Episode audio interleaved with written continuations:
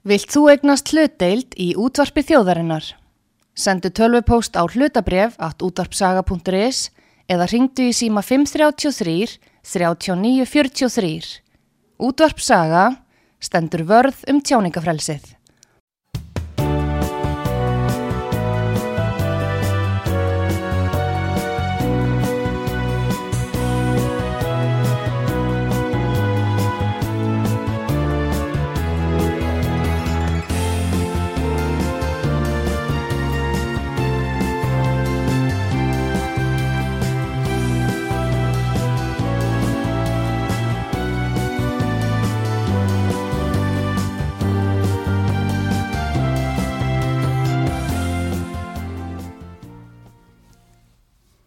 Góði hlustendur, velkomnir á mentaspjallið á útvarpi sögu. Ég heiti Valgerður Snæland Jónsdóttir. Viðmælindi minn í þættinum í dag er doktor Meivand Þórólsson, profes, profesor á eftirlaunum eins og þú nefndir það við mig. Já, já. En ég heyrði í morgun að Pétur hann kynnti þið sem profesor emeritus mm -hmm. á mentavísta sviði Háskóli Íslands. Velkomin Meivand. Takk fyrir og gleðilegt ár. Gleðilegt ár og þakka þér fyrir að taka svona vel í að koma til okkar í mentaspjallið mm -hmm. og ég hlakka mjög til að mjög til þessa spjalls við þig í dag. Takk. Held að við hefum eftir að fara yfir, yfir margt hér. margt skemmtilegt, margt forvitnilegt. Heyrði mig vant. Við konumst nú við hvort annað frá fornufari En ertu til fyrir hlustendur að hérna, svara spurningunni að skilfa Pálssonar sem hann spurði okkur alltaf að hérna í gamla dag, unga fólkið. Ertu til í að bara fara svolítið yfir það hvaðan þú kemur, þínar bara rætur, hvaðan kemur, hvað, hvaðan kemur inn í þetta samfélag, þetta skóla samfélag okkar. Já. Byrjaði bara mjög snemma. Já, ég, sko, móðurætt mín er úr lögardalum og frá Uh, sérst, Amma var frá uh, ólst upp á lögadalshólum þarna í, í, í lögadalum og pappi hennar var Árni Guðbrandsson mm. í Mídalskoti sem er að mörgum að margir telja að sé ein af fyrirmyndum Halldórs Lagsnes að bjarti í sumarhúsum. Það er nefnilega það. Og hann var ákomandi ófeiksríka Já á fjalli og, og en, vildi bara bóra sér út úr og var svona servitringur svipaður og, og bjartur í sumarhús en afi uh, úr lögadalinn líka eða biskustungum var frá miðhúsum. En uh, í föðurætt er ég ætti að vera seltjarnesi og þar bjóðum mig Vats Sigurðsson bondi á Eðis, það sem nú er Eðistork og ég fæ nafnið frá honum og hann fekk nafnið Norðan og Fljótum frá vinafólki foreldra hans. Þannig að svona liggur landið, ég var í Mýrhásaskóla mestan hlutaæfinar en fór reyndar svo í landspróf í Gagfæraskóla Vesturbæjar þaðan yfir í MR og síðar í, í kennaranám. Reyndar liðu þarna einhver 2-3 ári í vinnu og síðan fór ég í kennaranámið 1975 Mér skaman á skulir tala um seltjarnanessið það bara poppaði upp svona minningu frá hérna því að ég var svona 13-14 ára Já. að því að ein sýstir mömmu og mm. maðurinn hennar, þau voru kennari í löganaskóla Víti Seliastóttir og Þórarinn Hallgrímsson og þau áttu hesta og þau fengu afnótt af einhverju túni þarna mm. úti á Seldjarninesi þannig að ég á minningar um það sem 13-14 ára stelpa Já. að vera í heiskap þarna sem að heitipotturinn er núna og svona það var, það var bara já, lengst út á nesu alveg lengst út á nesu það sem, sem ráðagerði er núna já, já. þar sem að hérna, þar var sem sagt einhver sem að notaði ekki hérna, túnið til hérna og þau fengu sem sagt að slá túnið fyrir hestana sína. og þarna var maður skrýðandi um og rakandi og setja ja, í sátur og svo framis og ága gaman að þessu. Já, það var nóg, nóg hérna, rýmið fyrir svoleiðis ábygglega Það var nefnilega alveg já, og mikill búskapur hérna alveg fram að því að ég var svona 12-13 ára sko já, við, við þarna búskapur. Já. Mér finnst mjög gaman að eiga þessa minningu þegar ég keiri þarna vestur á, á Seltennis Þetta hefur verið þar sem ráðagerði er núna og, og bygggarður bygggarður var. Bollagarðar. Já akkurat. Þetta var þeim slóðum. Já, Já, já. þakka ég fyrir þetta, gaman að heyra þetta. En segðu mér og hérna, hvenar, hérna, hvað ætlaði þú að verða þegar þú varst sexuna? Ég er sem sagt löggiltu náms og starfsráðgjafi líka, krækti mér í það þegar ég hætti sem skólasturi og svona spyrir maður stundum og hefur leifið til að spyrja svona sem náms og starfsráðgjafi. Já, ég fekk reynda að snemma flug, þá flugu í höfuð að ver, verða sjómaður eða skipstjóri Já, einmitt. og var reyndar nokkur sumar á, á sjó sko. Já, einmitt. Ef mér er sér komist á síðutóðara sem er nú kannski að verða að falla í glemsku Já. bráðum. Hvað er síðu tógari? Síðutóðari áður en skuttóðarandi komu þá var Já. trolli tekið inn á hliðinni á skipunum Einmitt. Já, og það var svona lífsreynsla líka út af fyrir sig. En, en svo bara eh, að því maður fór í mentaskóla þá fór maður að móta svolítið á annan átt og, Og þú ferði í MR já, og ákvaða braut. náttúrfræði. Já, einmitt. Þannig að snemma beigist krókurinn. Já. Þannig að þú ferð fljótt inn á það svið. Já, ég valdi það í kennarnáminu líka sko Já, einmitt. og reyndar tók hann með eðli, já, ég tók líffræði, starffræði og eðlisfræði Já, sko, í kennarnáminum Já, og kendi þetta ásamt ímsu öðru Já. þegar ég fór að kenna. já. Á hvaða árum ertu í kennara skólanum að læra þetta? Þetta er 75 til 78 Já. Að þá er, eru nýju grunnskólalögin komin.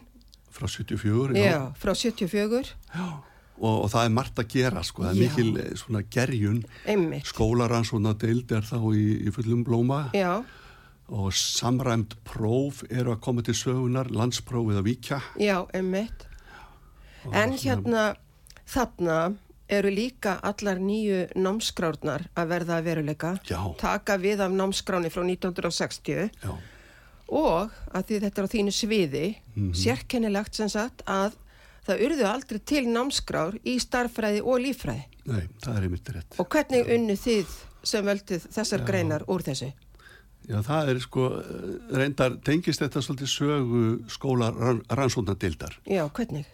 hennar markmiðið með þeirri deild átti að vera víðtækara heldur en það varð Já, það átti að móta þarna svona heildarstefnu fyrir skólakerfið, það Já. er skildunámið já, og eh, námskrára áttu að verða svona til heilstæðar Já. en þetta varð aðalega held ég svona námsefni, eða tilrauna útgáfa með námsefni já, ég alveg get ímynda með það. sem- það er mín upplifin líka. já, og það, þannig var mín kennsla í byrjun sko, ég, maður var alltaf með eitthvað svona tilrauna efni Já, emmi. sumt var þýtt frá bandaríkjónum Já, og ma margir kannast ennþá við þessa skrýtnu þetta skrýtna námsefni sem var til í samfélagsgreinum bavíanar og Já, þetta. já, og öll lætin sem urðu út af því. Já, þannig að náttúrufræðin fjall kannski svolítið í skuggan en, en eða náttúrvísindin eins og Já. ég vil kalla það. Já, en þau já ég verði að segja uh, það, það gerðist þar ímislegt sem ég var ekki sáttur við. Ég fór að kenna þarna ungur eðlisfræðina til dæmis. Já, í, í hvaða bekkum? Í, á emmitt. áttundabekk og níundabekk Já, já og sjöndabekk Já. það, það var úlingastígi þá sko. og maður skinjaði það strax að blessuð börnið þau skildu afskaplega lítið í já, þessum textum já. Og voru þetta þá þýttar bækur? Þýtt kjænslefni eða, ég held að það veri yfirfært sko Já. hins vegar í líffræði, ég kendi líffræði líka já, frá samen til manns já, emmitt, mandi því. og það var þýtt beint úr amerísku efni Já, emmitt. og þótti held ég svona einna skásta og svona vandaðasta efnið og Já. við rættum svolítið saman á þennum Já, um námstjórana eins Já. og Reyni Bjarnason Já, ég held að hann hafi átt Blessuð sé minning veg og hans. vandaði að þýða, þýða þetta sko. já. Já. Já, Reyni Bjarnason er sem sagt námstjóri á þessum tíma Já, í líffræði. Líf, líffræði, já. Já, í líffræði. Já. Og ég man eftir því að ég var að segja þér að ég sótti hérna nokkur námskeið hjá hann, hann var með mjög uh, merkileg námskeið sem að voru haldin í laugagerði skóla. Þá fór maður bara að heimann sko í hálfan mánuð og... Stórkostlegu tími eh, Já. að þetta fag Já, var það því. einmitt, já. En samt var ekki, varði ekki til námskrá í líffræðinni. Nei, svo skrítið sem það var. Kanski var það vegna þess að hann fjall frá, ég veit ekki. Já, og það var, það var samt hópur af hérna ungu mönnum, veist, eins og Hrólfur, Já. sem að verður síðan vissulega og eins og Ólafur Guðmundsson. Já. eins og Sigurður. Var ekki Sigurður líka hérna Jú. í þessum hópi, Óskar örn. Loftur Magnússon líka. Já, já, og hérna og hérna Sigurður Símonusson skilji, já, þetta voru allt saman svona, ég held að einhverjir þeirra kendu þarna við eh, hlýðaskóla, já, já, en fóru svo í vinnu þarna í Ingólstrætinu já. Í skólarásnati. Já, einmitt. En málið er að ég fór nefnilega að skoða hérna gömlu námskrona bara frá 1960 Já, og mér finnst mjög gaman að bera hana saman við bara í rauninni allt sem hefur gæst hérna eftir, bara eftir að setningu grunnskólalana. já, Og hér í kaplanum hérna, er í, hérna frá 1960 er sem sagt kapli um, bara svolítið magnað kapli finnst mér, um náttúrufræði. og hérna og það er bara talað um sem sagt námsefni fyrir 7-9 ára börn. Mhm, þar sem leggja skal grundvöll að náttúrufræði kennslunni og hvar var það gert? Það var gert í áttagafræðinni já, já, ég er hérna með hana.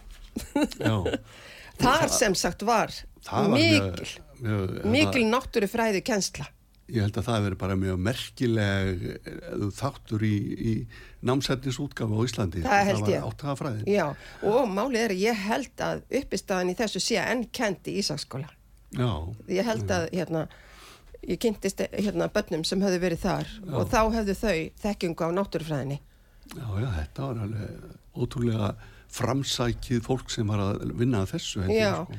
og mér finnst mjög gaman að sjá einmitt í náttúrufræðinni hérna tíu ára börn þá eru þau sem þetta læra um íslensk spendir og fugla Já, og íslenskar jurtir og svo er þarna eitthvað um efnafræð og Já, eðlisfræði. svo kemur líklega. bara heilmikið um það, úlingastíði hérna, Já, já. eðlisfræði, það er hiti, kraftar, kraftur og tregða, vogastengur og allt mögulegt hérna. Svo er kaplanir í lok námsgreina kaplan sem heitir til aðtugunar. Já, einmitt, já, Mér, mér þóttu Það er bara svolítið, eh, góðir. Já, já, einmitt, það er alveg rétt. En svo gerist það þarna að, hérna, að 1974 þá verður semst bara ekki til, Það verða bara umskipti því líka. já, og eh, ég, eh, það er ekki kannski tími til að fara að rekja þetta allt saman finnst þetta mjög- mjög spennandi þessi skrýtna eh, þróun sem verður eftir fræðslögin Já, já. 1946 já, þá kemur þetta þessi prófa holskefla. Fullnaðapróf, barnapróf, miðskólapróf, gagfræðapróf og landsprófið. Og, og með þessari bóknámsþekkingu já, og þá er það eiginlega bara námsefnið sem að stýri svo miklu held ég sko. einmitt, alveg eins og ég sé til dæmis þarna með starffræðina, það verður Já, ekki já. til námskrá í starffræði, Nei. en það er þarna hópur sem að sem að býr til nýtt, við kallum það í mörg, mörg ár, ég held í 20-25 ár nýja starffræðin. Já, sumir kalluðu þetta mengjastarfræðin Já, einmitt, já, akkurat, er það, ein, þetta var rosalega djúb hugsun á bakvið þetta, Já, sko, alvöru, alvöru já, starfræði. Sko. þannig að námsbækurnar urðu eins og námskrá eins og þetta segja, Já, námsbækurnar, námsbækur á þessum tíma Já. verða í rauninni námskrá Já. eins og reyndar þekkist í mörgum löndum, sko. Já, Sumir einmitt. tala um námsbækur sem hluta af námskrá. já, einmitt. Hafa gert það mér sem á akkurat. 20. öld, Já, ég veit já, einmitt. Þetta er. Þetta er bara syllabusinn, Syllabus, það er bara já. innihaldið í námskráni. Þetta er forveitlegt, en líka þe- þegar þú ert að tala um öll þessi próf, Mm ha, að hérna, ég mani mitt að, að fyrsta ári sem ég kendi, þá kendi ég meðal annars í skóla upptöku heimilis ríkisins sem var fyrsta starfsár þess. Og þá komu sem sagt ungmenni allstaðar að af landinu og voru þarna og þau réðu því í rauninni hvort að þau færi í skóla til mín og Gunnars Klængs félagsrákjafa sem var þá kennari. Og þá er mitt hérna, man ég eftir að það var ein stúlka af tíu sem hafði áhuga á að klára úlingapróf Já, og þá man ég að, hérna, að við bara, að ég setti allt kapp á það að kenna henni fyrir úlingapróf og hérna þá þurfti er, er þetta fyrir Þetta er sjö- 75? þetta er 72 Já, Sjö- já, já. þetta er 72 Einmitt. ég byrjaði að kenna haustið 72 Já, já. hvað varst að hugsa, fyrir fyrir 75 sko, Já. þá ver- verður svolítið Já, veit, breyting einmitt, á þessu já. kerfi sko. og þarna þurfti sko pródómara fyrir hana eina, hún tók próf hjá mér þarna út á upptökuheimili Mhm. og hérna og ég syns að þurfti að, að hérna, sjá til þess að hún hefði pródómara já, það þurfti syns að alltaf í þessum lokaprófum já, já, að verða að vera hérna pródómarar og tekið mjög alvarlega allt saman. Já, þetta var tekið mjög alvarlega en hún stóð snúlingaprófið þannig að það var, voru mikil umbreyting í hennar lífi. Já, en það er hérna einmitt hérna mér finnst öll þessi prófa saga okkar. Hún er nefnilega, mér finnst hún um margt merkileg. Hún er það alveg stórmerkileg og ekki síður sko um 1920 þegar Já. Stengrimur Arason Já. kemur úr námi frá bandarækjónum einmitt, og, og þá upphefjast heilmikla deilur um prófið ekki próf já samræmt próf fyrir já, það er í rauninni að koma til sögunar 1920 það er nefnilega það. Þegar hann kemur úr námi úr Columbia háskóla í Já. bandaríkjónum Já. frá Edward eh, Thorndike. Já, var hann hjá Þorndæk hann var hjá Thorndike Þetta- sko. Já, og fleiri. Dewey var nú hann líka Dewey. Já, og þetta allir náttúrulega sko því líkum titringi þegar hann kemur hingað. Já. en hann fær stuðning frá Ritstjórn skólablasins Já. og þar var nú bara sjálfur Ásker Áskersson sem Það var, það. síðan var fórseti Íslands. Já, og, og Helgi Hjörvar. Já, einmitt. Það er gott sem Helgi Hjörvar sagði sem rauk fyrir samræmdum prófum já, að eh, þá ertu laus við sko einhverja geðþekni og skoðanir kennara og pródómara sko. já, Því þarna var bara hlutlagt próf. Já sem að það sem þú síndi bara kunnáttu þína án þess að já, við vitum hvernig litla Ísland var Já, þá og, og eins og það er ennþá. Þannig að þekktust allir og ætterni saði til sín og akkurat ættarnöfn og allt þetta. einmitt. Já, Þannig að ég, ég held að þetta hafi verið stórmerkilu tími. Það held ég líka. Ég held að, held að Sigurður Nordal hann blandaði sér í þessu umræðu líka. Hann var á móti, móti prófunum. Já, einmitt. Forveitnilegt að heyra þetta.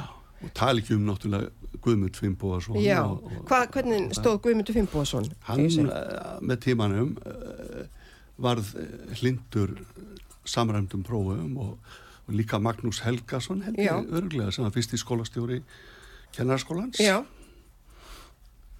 ég, ég held að ég færi rétt með það komu þeir allir erlendis frá inn í, inn í þetta til okkar, eða Mér- hvað? mér sko þið var hérna Guðmundur Fimboðsson var í, í sálfræðin á mig Ellendi sem Já, það verið í já, Fraklandi og Já, Danmörk og viðar sko. já, einmitt, já, en þetta er og auðvitað er þetta já, saga sem ég finna til dæmis á kennaranemum já, að það er ekkit margir sem hafa áhuga á þessari sögu nei, en, en hún segir okkur svo mikið um sko, hvernig við hvað við erum alltaf að endur taka okkur í, í þessum deilum öllum sko. já.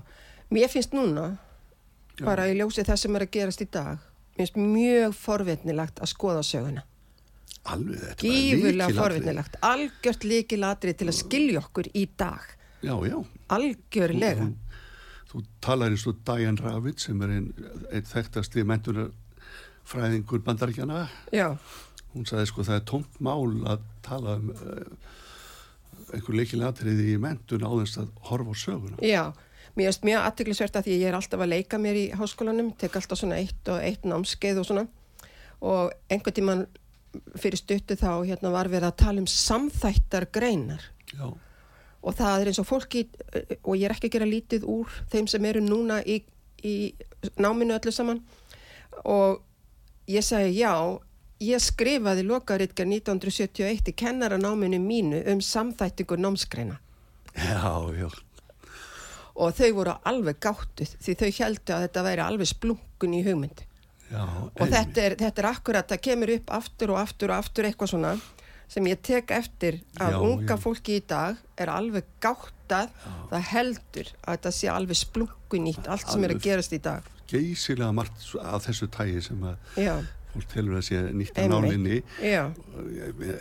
Samrunin, námsvið og, og samþætting. Já, Þetta var nú tekist á um sko í, bandaríkjónum um, kringu 1920 já, sko, og progressivismin er að segja til sín sko. einmitt, akkurat og mér fannst svo gaman, svo er ég í æfingakenslu í Östubæðaskólanum hjá kennara sem er lifandi samþættingar kennari Já.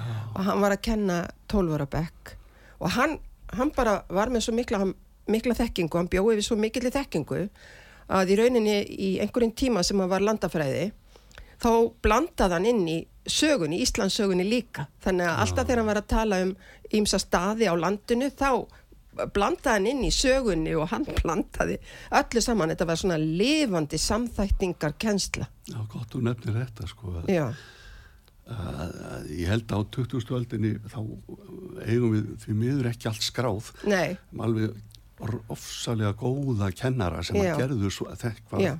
af þessu tægi já. og byggðu svo mikið á þekkingu bara reynlega einmitt, höfðu svo Þekktu. djúbstaða við, viða þekkingu Já, á ymsum sviðum. Þetta er alveg eins og hérna, eitt sem að kendi lengi í Snælandsskóla og var nú held í skólastur í Borganesi einhver tíman, Egilur Magnússon. Já, að hérna, hann segir, se, hann held ég alltaf fram að kennsla væri list já, að væri list fyrst og fremst. Og hann var einmitt svona kennari sem að hérna, gat, hérna notað alla sína þekkingu bara. Stórkoslegt að upplifa hann, hann kendi mér ekki sko en, en hérna, ég þekki bara að hann kendi eldri síni mínum. Er, að þú segir þetta sko, það er svolítið umræðin núna skapandi hugsun, gaggrinn hugsun já, og það að skapa, hugsa út fyrir bóksið og allt þetta, já, að um, við erum heilmikið að ræða þetta núna, svona hópur sem ég er Já, en gaman. út af endur skoðun námskrar og ímsu. Já, einmitt, Við erum að finna hérna fullt af greinum þar sem bara er búið að sína fram og sanna. Já, að skapandi hugsun er náttúrulega líkilatriði en Einmitt. gerir þetta ekki nema með forþekkingu. já, akkurat. Þú þarft að vita eitthvað Já, til að byggja á. algjörlega. Það er jafnvel bara málarlistin er þannig sko, bara hvað, hvað sem er, Já, einmitt samhengið. já, og þar kemur sagan einmitt svona Já, sterk inn í en, en það er merkileg hvað, hvað þessar námsgreinar hafa tekið miklum svona marga snúningar sko, Já, er einmitt. sérstaklega í náttúrufræðin. Það er náttúruvísindum Já, já, einmitt það. En ég tek, hérna, ég segi mjög oft frá þessu hvað ég naut þess að kenna þessar bækur Já. og ég var að segja hérna um daginn við annarkot Ingólf eða Jón Pétur ef ég væri með engaskóla þá myndi ég láta, sérðu hérna þá myndi ég láta að kenna Já. þessar í 11 og 12 ára. mælingar og fasaskipti staðurheyfing, efnafasatnir og ljósið og rámagnið og allt þetta. Þetta færi inn í námskrá í mínum skóla í 11 og 12 ára.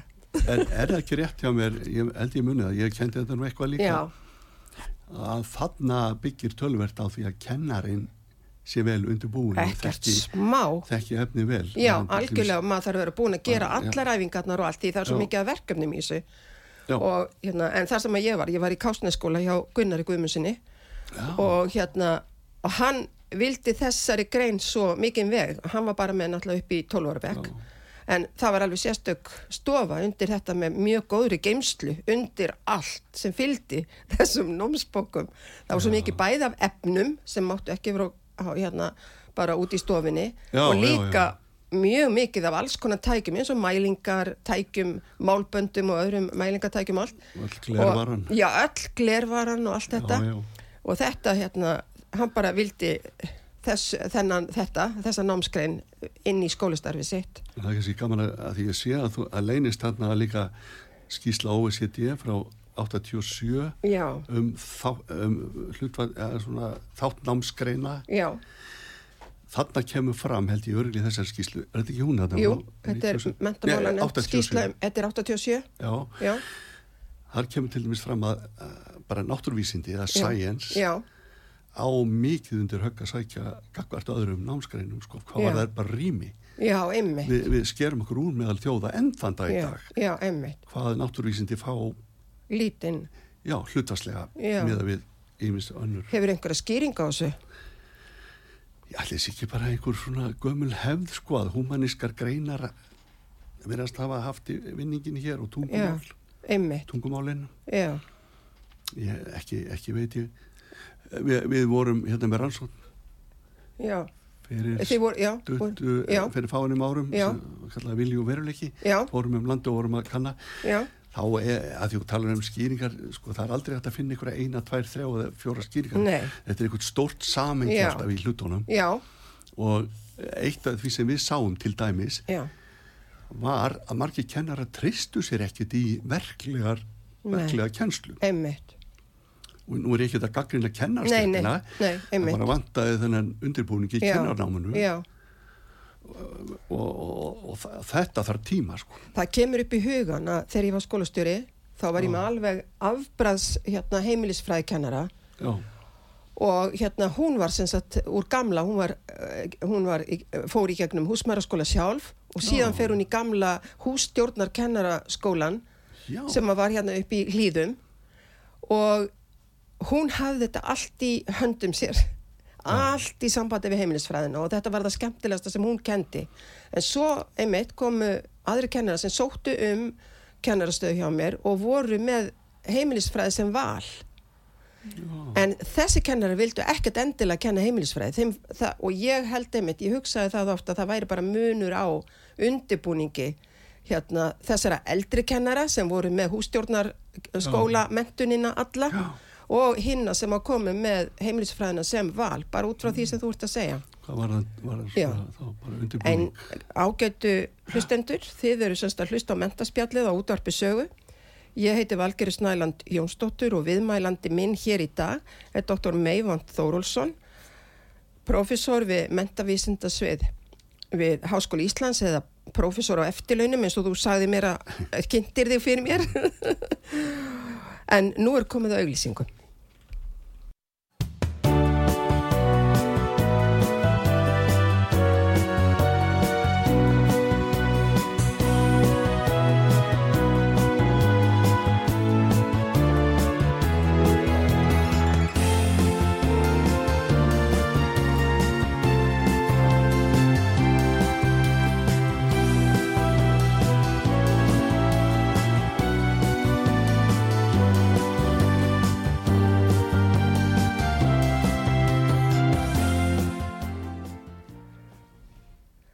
Góði hlustendur, þið eruð að hlusta á mentaspjallið á útvarpi sögu. Ég heiti Valgeri Snæland Jónsdóttir. Viðmælandi minn í þættinum í dag er Dr. Meivand Þórólsson, profesor emeritus á mentavístasviði Háskóla Íslands.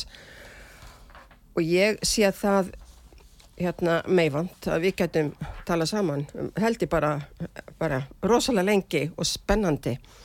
Heyrðu hérna, þú byrjar að kenna, segiru þarna, hvenar?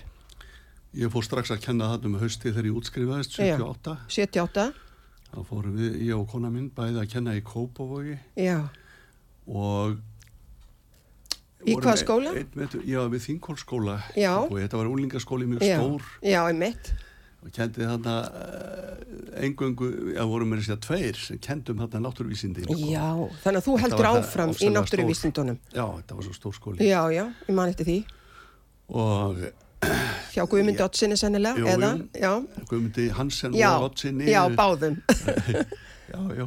Já, en hérna síðan bara dreifum við okkur út á land og vorum þar í nýju ár ég og kona mín. Já, og það var mjög lærdómsvík já, hvert fóru þið? vorum að reyðar fyrir Já. í tvo vetur. Já, mjög hérna áhugavert og flott eh, skólastarf þar og enn, enn held ég bara flottara í dag. Já. Eh, og þarna að því, að við tölum um starffræði þá lendi ég að kenna starffræði Já, og ég, man, ég veit ekki hvort þú mannst eftir því að þá var val milli verslunarreiknings, rúmfræði og algebru. Já, einmitt. Já, og ég lendi að kenna þetta allt saman. Já, einmitt. sumir spurðu sko "He- hvernig dettur í huga bjóða nefndum upp á alla þessa valmöguleika veistu hvað þú ert að fara að gera? Ekki varstu með sömu nefnendur í þeim öllum? nei, þau, þau já. máttu velja. Já, og það, þetta var hópur held ég það ekki verið fimm nefndur í algebru já, lang flestir í vestlunarreikningi já, og svo var rúmfræði. En, en sko það, það var svo gaman að fylgjast með þá er ég að kenna þarna í bæði 8. og 9. bekk.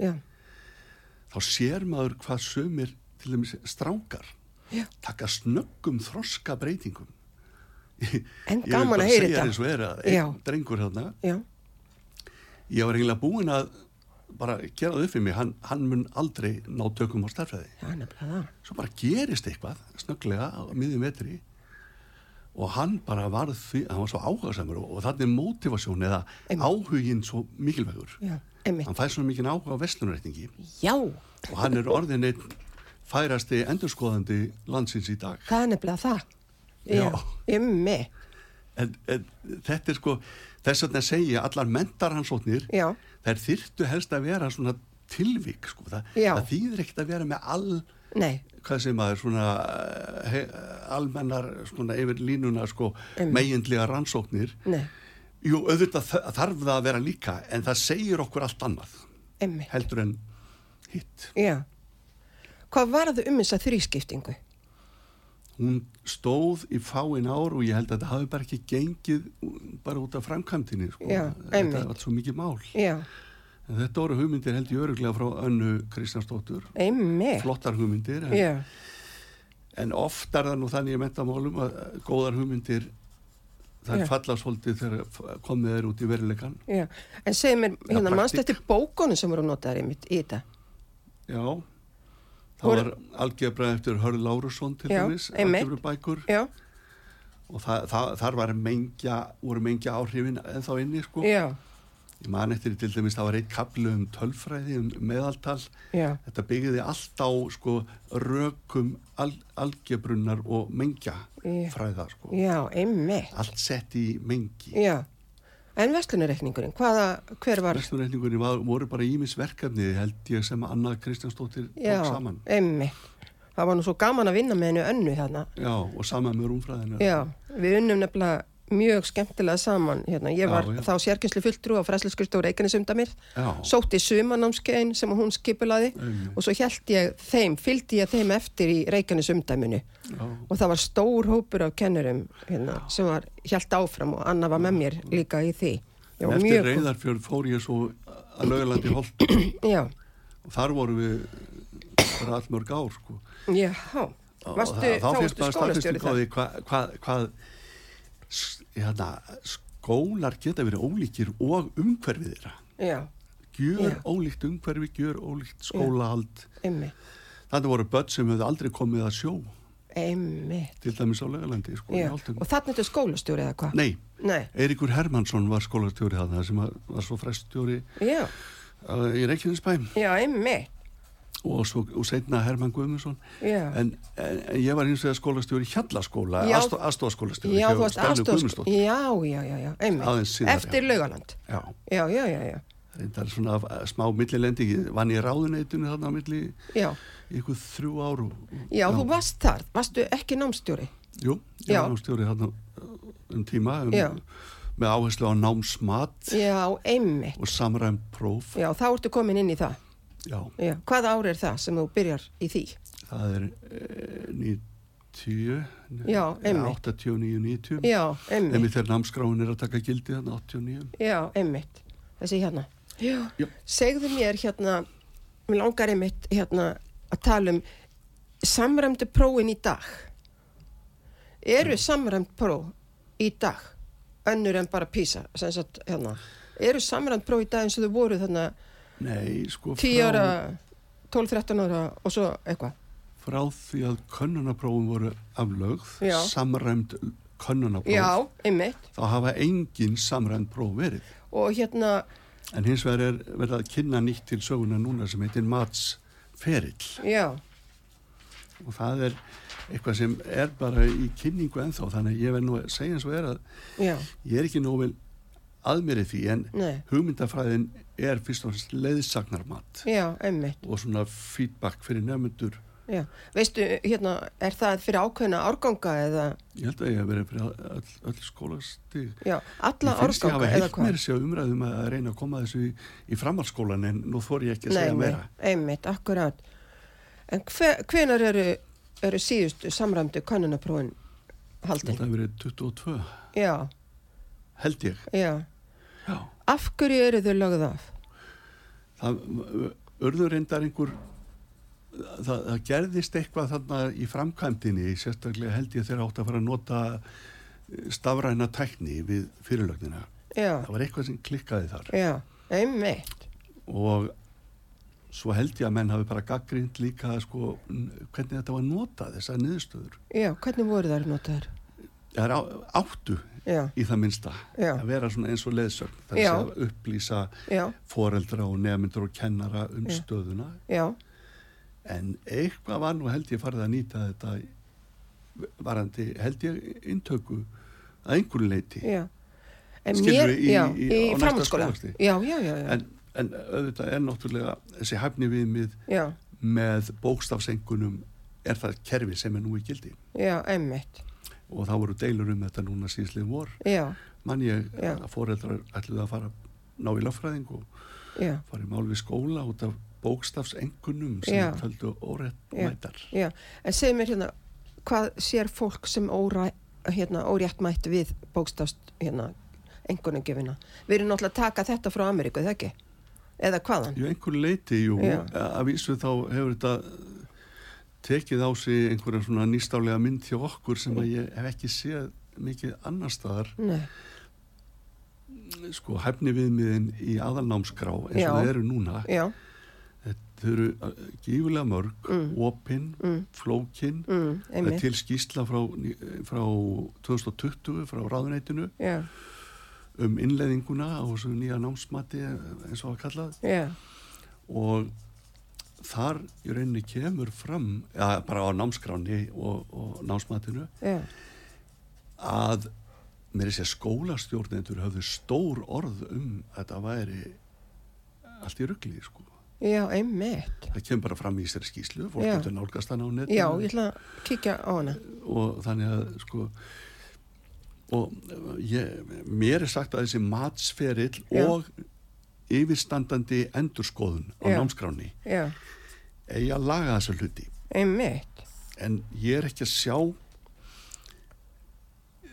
já, ég vil spyrja að leikslókum Já, hvað eigum við eftir að sjá? Já, ég er ekki farin að botna ég er búin að lesa svolítið um hennar matsferil. Já, og ég, ég er ekki farin að botna ennþá í hvað það, hverju það á að bjarga sko. einmitt. þess vegna verð ég að segja við því valgerður Já, að ég hallast að því Já. þrátt fyrir alla gallana við samræmt próf þá Já. vil ég fá samræmt loka próf já, engum úr sérilagi já, gagvart afburðanemundum, Einmitt. duglegum nemundum þú tókst eftir núna í PISA. Já, að þetta er ekki nema 2-3% já, sem skora hæst þetta er hjá aðtilsvert. okkur að með að miklu hærra hjá öðrum þjóðum. Það er eins og að sé ekkit verið að mæta þörfum afbyrða. afburðanemunda Nei, einmitt. eða bráðgerra nemunda Já, já, einmitt, akkurat. Já, og ég, ég bara hef þá skoðun ég sagði þetta nú í Björn Bjarnason já, og fleiri hér áðundinu þegar námskarinn kom 99 já, þá var prófunum fjölkað já, einmitt, og ég sagði bara leifiði nefndum að velja. Já, hvort þau vilja þreita þessi próf. Já, Íslenska skólakerfið eins og önnur skólakerfi verður alltaf skilvinda. Já, við ráðum ekkert við það. Nei, þetta verður alltaf skilvinda. Já, en mannbætur og, og svona hvað þú segja að ma, ma, mæta þörfum allra já, við getum alveg felt það inn í kerfið líka. Einmitt, en þetta þarf vinnu og þetta kostar peninga. Já. Ég verð að segja fyrir mig sem er, sem sagt, hef síðustu, hérna, mörg árin verið, sem sagt, með bara þjónustu út í bæ og, og verið að tala við nemyndur já, ég hef held að því og fyrst, fyrst svolítið með því já. að hérna mér fannst svo dýrmætt að fá hérna samrönduprófin nýðustöðunar hjá börnum á miðstíði og mér fannst líka og að því að þið sundu liðuðu líka. Námsþættina eins og í Já. starfræðinni þið sundu liðuðu námsþættina í íslenskunni Akkúrat. þannig að maður sá eða ég, ég taldi mikið að sé strax sem sagt ákvaða sviðum í starfræði Mhm. þarf sem sagt að viðkomandi meiri hjálp og þetta gerist líka þarna í sjönda bekk í sjönda bekkjarprófin, ég sakna þessara prófa sko, sem svona Já, út í bæmanniska til þess að geta ekki hérna, þetta sagði mér mjög mikið bara Já. um ekki til þess að dæma eitt eða neitt heldur bara til leðsagnar eins og þú þetta segir. náðu Já. hefur tilgangi sínum Já. greinilega. Já, einmitt. En ég er að hugsa hérna, þessi námsfyrill, er þetta eitthvað sem er að byrja bara núna aftur, matsferill. Þessi matsfyrill, já. Sko, það, það er bara starfshópur sem leggur þetta til hérna Já. 2020, það er til einhver skýrsla um þetta. Og er í deglunni einhver staðar í kerfinu núna en, en um samtímis er að gera svo mikla breytingar sko. Mentamálastofnun er lög niður já, þess að nýja, nýja stofnun er að koma upp já, hvernig á hún að vera? og mér er sagt að hún er að vera meira svona eins og stuðningur við skólastarfið og, og námsefnis útgáfa og svoleiðis Já, en allar svona eh, próf og ytramat verði í ráðunitunum. Mér er sagt þetta já, en ég er ekki fann að sjá þetta en þá sko, hvernig einmitt. þetta mun þróast. Sko. Já, það eru mikla breytingar. Já, Já. en að því hún nefnir breytingar valgerður, Já, já, þá erum við einlega svona haldin, já þetta er algjör dilemma hjá okkur. Það þurfa alltaf að vera djöflast í breytingum. já, ég er Má alveg á því. ekki koma minnsta nýðustaða eins og í Písa Já, sem auðvitað verðum að breyðast við. já, já, En, en það má ekki hlaupa til eins og Július Björnsson sagði hjá metamælastofnun, Já. við megum ekki hlaupa strax til og nei, stökkva á eitthvað eitt eða tvö atriði sem að já. menn telja í að breyta sko. Já, þetta er stóra kerfið Þetta er stóra kerfið. sem, sem Og við erum ekki- finnst- að rýna svolítið vel í sko. Það er eins og Sturla sem var hérna í viðtalinu fyrir jól, hann hérna, hann einmitt nefndi það að það þarf að skoða stóra kerfið. Já. Þetta er kerfismál. já, já, Ha. það er ekki að kenna heimilónum um en Nei. það er, eru með Já, en málið er það. Já, Mér finnst svo aðtiklisvert. Þetta þegar hún nefnir heimilinn. Já. Mér finnst það, við vorum að tala um hérna í fyrri þáttum um róf. Róf sem hefur átt sér stað eiginlega frá 1974 milli hérna foreldra og í rauninni badna að því að foreldrarnir, og vistu það kemur hérna fram í bók starffræði eftir Kristján Guðjónsson, handbók fyrir foreldra, kennar og nemyndur. Hann talar um rofið sem að varð milli foreldra og badna í starffræðikennslunni. já, Ég man eftir því sjálf að það var talað um í lestrakennslunni eftir grunnskólalegin. Þá var oft talað um það að foreldrar ættu ekki að koma að lestrakennslunni sem hafði verið áður. Þetta voru nú eiginlega bara, þetta var bóðskapurinn þegar Þetta var- starfræðin svo kallega, eða Já. ný starfræðin kom til sögunar. Já. Að foreldrar heimil og bara en almenni leikmaður átti ekki að blanda sér í málið. Nei, Ég saði stundum að, að skólaransna deildin var svona eins og, hvað ég var að kalla, salon í Fraklandi. Sko. Já. Þetta voru svona lokaðir fræðaklúpar sem að þekktu bara sitt og Já. aðrir átti ekki að blanda sér í það. Fyrir ekki, nú er ég kannski að fann að gaggrina á mikið. nei, ég held þetta sé En- bara alveg réttmætt, sko. Ég þekki Kristján ég, Já. og ég man eftir þessu. En hann, hann, er Við nefnilega... vorum uh, samtímis í kennaranámi og Já. og áttum uh, mörg samskiptið önnu, Já. Kristjánsdóttur. Já. Ég held að Anna hafi alveg verið sammála okkur. Já, heyrðu nema hann er náttúrulega, hann er að búa þessa bók til 1984, Já, hann er að skrifa þessa bók 1984, Já. sem að er handbók fyrir foreldra, sko, í fyrsta sett. Hann hann er að tala um, Er þá ekki Agneti Bungord og þetta Jú. námsefni allt í starfræði í gangi? Sko? jú, Já. já, hvað varð um það allt? Já, það er nefnilega það. Sko. Þetta var, fór geysilega mikið fyrir þetta Já, og svo stóð þetta bara stuttan tíma. Já. Sko. Já, Þessi, þessi sérfræðingar sem komu hérna frá bæði Finnlandi og, og Danmörku sko, hingað með í samtöku starfræði. já, Þetta var náttúrulega eh, hluti af miklu stærri þróun sko. Það Já. var haldin eh, stórt þingana í Fraklandi þar sem að allir voru sammála um að, að við þyrftum að breyta sko. já, manstu hvað ár það var? Það, það er 60, eða kringu 60 Já, og skömmu setna er hún stopnuð þessi skólaransnadeild Já, og Þór 66. Gíslason stendur já, fyrir því sko, sem, sem ráðherra. Já, og fær Andra Ísaksson til að stýra þessu yfir. Já, einmitt, Ég held að ábyggilega kom Jónas Björn Jónsson og Kristinn Gíslason já, já, einmitt, eh, sem vorum við með gamla námsefnið. Já, við sögu og Já. voru sammálaði að það þyrfti að breyta já, einmitt. en við erum kannski komin út í Nei, en það var einmitt saga, sko, hérna, sagan sem við á, á planinu heyrðum, það var einmitt að Kristinn Gíslason hefði sótt uh, starffræðinámsefnið. Var það ekki bungur námsefnið? Ég held til- það, jú, jú, jú, jú. Var, hérna, var bungur námsefnið það sem var kallað mengjafræðin upphála? Eða Ja, hvað sko, var þetta? Fólk í daglegu talið, að ég man ekki hverju þetta voru sem komið með mengja fræði Já. og mengja stærfræði. Já, einmitt. E, ég man eftir að Guðmundur, hérna, rektor í MH, Já, hann tók sama bók sem hétt bara mengi já, og ég man eftir að hún var lögð fyrir okkur í landsprófi þegar ég var í landsprófi. já, einmitt. Já, Og þá eru þessi mengja hugtök að koma til sögunar Já. inn í starfræði sem grundvallar bygging undir já, allt starfræði ná. já. Og eh, bara mjög lógist og flott. já, En auðvitað skiljanlega áttu foreldrar og margir kennarar erfitt með að ná utanum. já, já.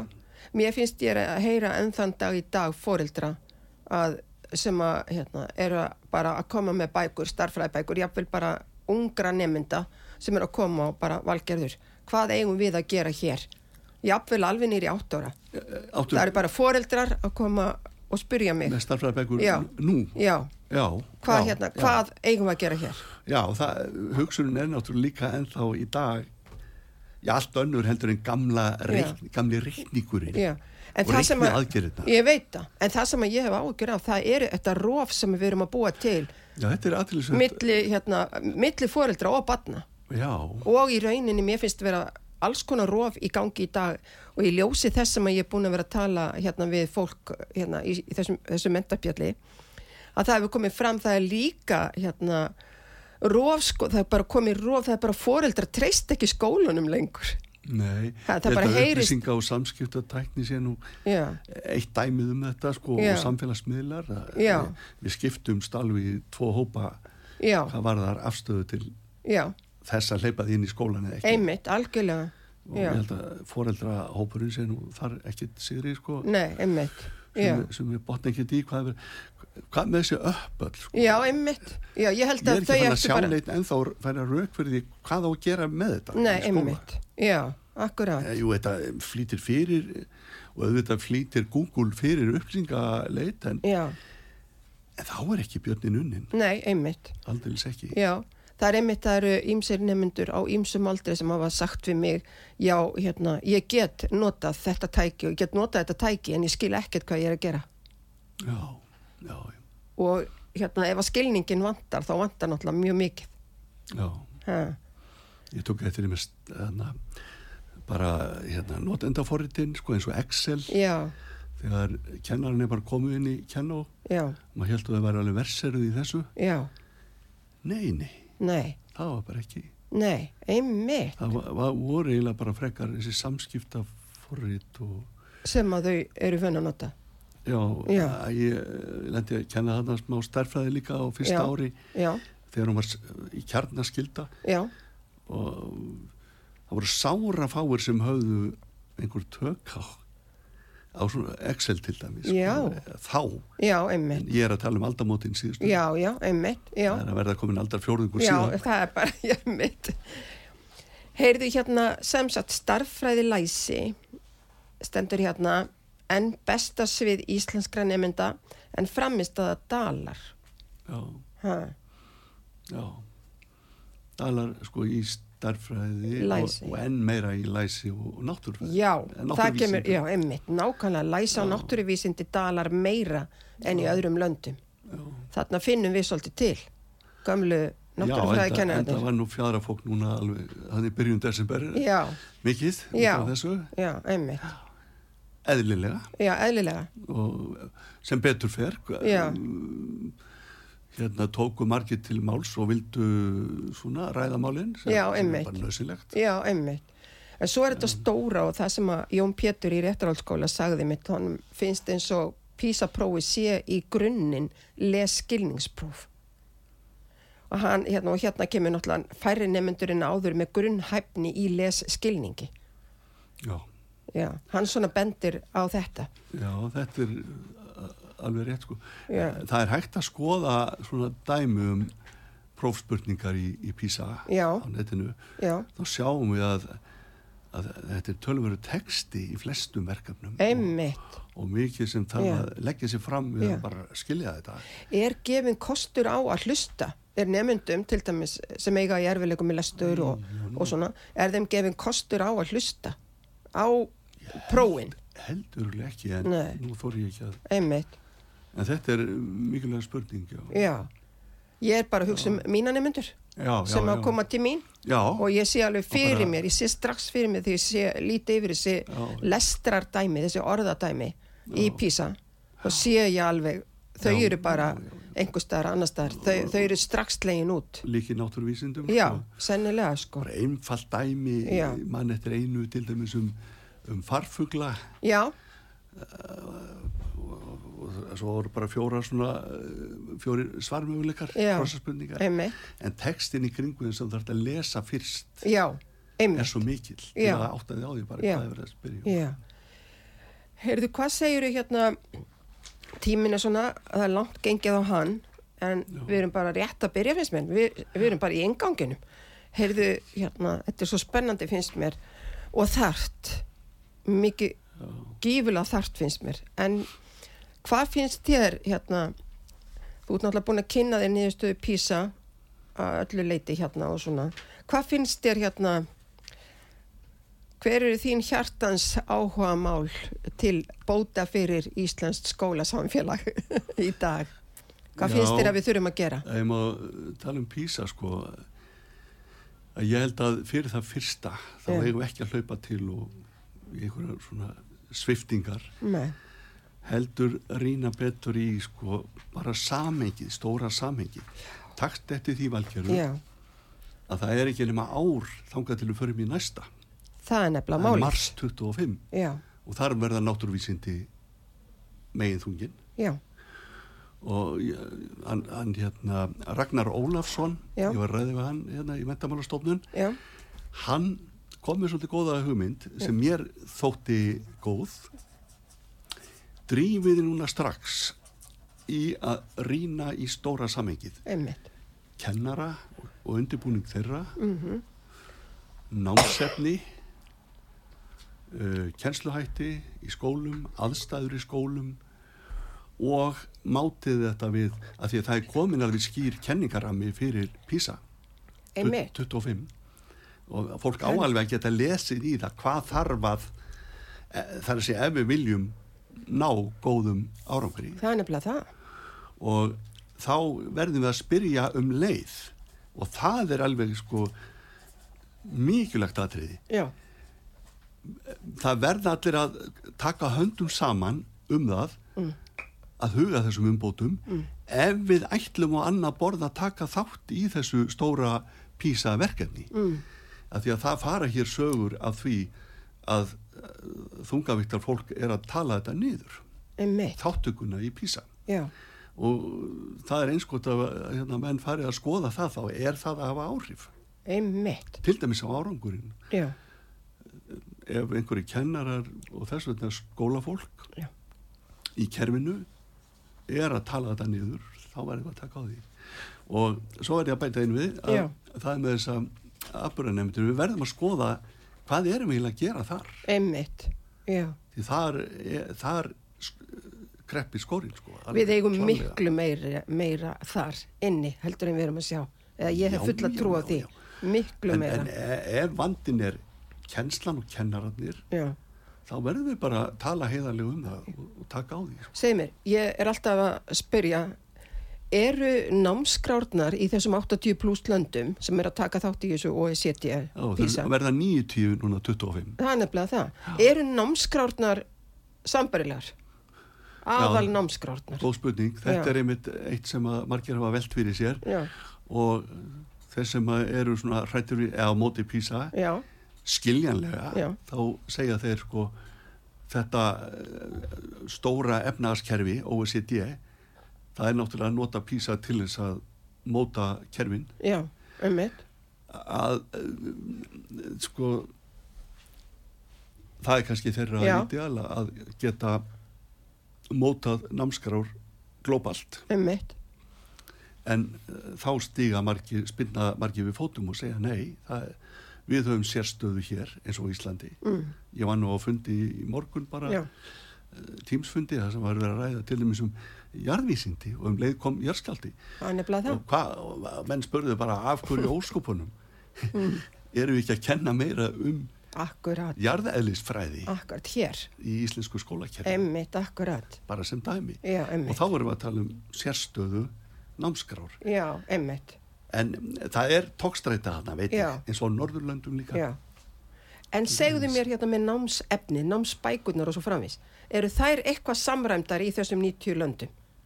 Er verið að prófa börnin okkar, sem sagt úr einhverju sambærilegu námsefni og er kent í öllum þessum löndum? Nei, Nei, ég hef ekki rýnt neitt svona skipulega í þetta en ég Nei. heyri það bara allir umræðu að það er ekki, sko. nei, emmitt, Ég hef skoðað námskrár í Englandi, Danmörku, Skotlandi, Bandaríkjónum. já, Það er til eh, hérna, námskrá og námsefni í Bandaríkjónum sem er margir taka til fyrirmynda núna. já, Next Generation Science Standards ok, og það er bara allt annað sem þú sér þar heldur en við höfum haft hérna undanfærin ár. það er nefnilega það.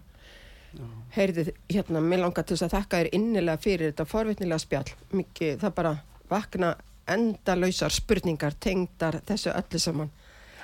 Góði hlustundur, Já, þér fyrir. mentaspjallinu í dag er í ljúka. Ég heiti Valgeri Snæland Jónsdóttir.